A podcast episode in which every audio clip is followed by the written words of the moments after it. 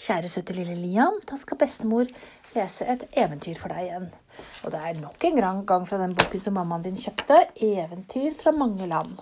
Og nå er det et svensk folkeeventyr, og det heter 'Trollet, smeden og beltet'. Og jeg aner ikke om det er skummelt. Tror du det er skummelt, Liam? For mer enn 100 år siden arbeidet en smed i en smie i nærheten av hovedstaden, som den gang het Kristiania var svensk folkeeventyr, men om Norge, da. Da var, liksom, men da var Norge og Sverige liksom sammen. Så da het hovedstaden ikke Oslo, men Kristiania. Smedens foreldre og søsken bodde langt derfra, helt oppe i Trøndelag, på et sted som het Huseby.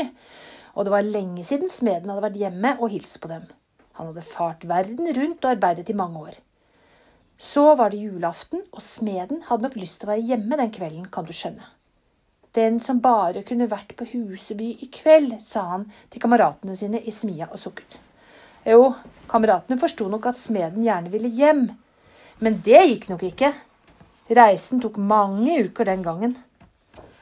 Trøndelag, vet du, det er der hvor pappa kommer fra, ikke sant? Det var dit han ville. Da smeden var ferdig med arbeidet og ruslet hjemover til losjiet sitt, fikk han se en liten gutt på veien.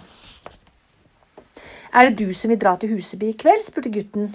Det er sikkert jeg vil, sa smeden, men så langt er det at jeg ikke rekker hjem i kveld. Jo, hvis du vil, kan du være hjemme før de begynner på kveldsmaten, sa gutten. Smeden måtte le av den dumme gutten og sa å nei, du gutten min, det vet jeg at nok ikke går an. Jo, hvis du bare vil følge etter meg, så lover jeg at du kommer av sted, sa gutten og holdt på sitt. Smeden så forundret på ham, men tenkte at han kunne nå se hva gutten ville, og så ruslet de av sted, da. Et stykke inn i skogen kom de til en liten stue. I stua var det en seng, og i sengen lå en gammel mann som var lenket fast med en svær jernkjetting. Er det du som vil komme til Huseby i kveld? pep kallen. Kallen det er liksom det man kaller en gammel mann, da. Og reiste seg opp i sengen så lenkene klirret. Det vil jeg nok gjerne, svarte smeden, men hvordan skulle det gå til? Jo, det skal jeg nok klare, sa gubben. Du kan være fremme om en time. Smeden lurte på hva dette kunne være for trollskap. Men når han tenkte på hjemmet sitt og all den gode julematen han fikk der, sånn som sikkert mamma og pappa fikk oppe når dere var der oppe i julen, vet du, da bestemte han seg for å dra av sted. Ja, da får du sende meg dit opp på Røde Rappet, sa han til gubben. Det skal skje, svarte gubben, og ga smeden et flott belte som var brodert med sølv og gull. Ta dette beltet på deg, så er du reiseklar, sa han. Du behøver ikke være redd. Det er ikke farlig, men du kan gjøre meg en tjeneste når du kommer fram. Du vil, eh, du vil eh, komme fram til Nygården. Høres nesten ut som Nygrengården. Derfra har du ikke lang eh, stubben hjem. Når du så havner på Nygården eller på Nygrengården, skal du gå inn på gården og spørre etter mor Malin. Når hun kommer, må du skynde deg bort og spenne beltet om henne. Det er en gave fra meg. Jeg kjenner eh, mor Malin godt, ser du. Jeg bodde i den svære fjelltoppen i Husbyskogen i mange år. Men så hendte det noe som gjorde at jeg måtte dra min vei. Jeg var smed i gamle dager, jeg også. Og det er meg som har smidd beslagene på Husebys kirkegård. Farvel, og glem nå ikke å gjøre som jeg sier. Smeden lovte å gjøre som gubben sa, og tok beltet på seg.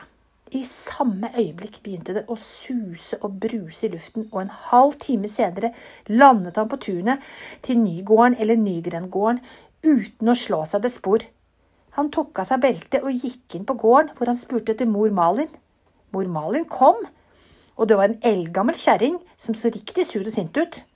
Nå hadde jo smeden lovt at han skulle skynde seg fram og spenne beltet om mor Malin, men han ble så forskrekket da han fikk se henne, at han rent glemte å gjøre det. Jeg har et belte som en viss mann har bedt meg eh, gi deg, eh, mor Malin, sa han og holdt beltet fram. Jeg skulle spenne det på deg, sa han. Kjerringa tok beltet og så på det, så sa hun. Jeg skal nok sende beltet tilbake til gubben, jeg. Kom og bli med meg, så skal jeg vise deg hvordan det skal gå for seg. Men smeden var så redd at den gamle mannen ville bli sint på ham, og han ville ikke bli med kjerringa. Du behøver ikke å være redd det stygge trollet, sa kjerringa, han har ingen makt over meg mer, over deg mer. Eh, og kan ikke gjøre deg noe vondt. Kom, så skal du få se på noe rart. De gikk ut på tunet, og kjerringa spente beltet om om en svær eikestamme som vokste der. I samme øyeblikk ble treet trukket opp i været med brak og bulder og for gjennom luften med et brus. Se så, sa kjerringa og lo godt. Nå tenker jeg nok trollet snart får beltet sitt igjen. Smeden ble redd for all denne trollskapen og sa pent farvel til kjerringa. Så vandret han til hjemmet sitt, hvor alle ble glade over å se ham på selve julekvelden. Siden fikk smeden vite at trollet nok hadde tenkt å få lurt kjerringa ned til seg. Men for smeden gikk nok ikke reisen tilbake til smia så fort som framturen. Og snipp, snapp, snute, så er eventyret ute.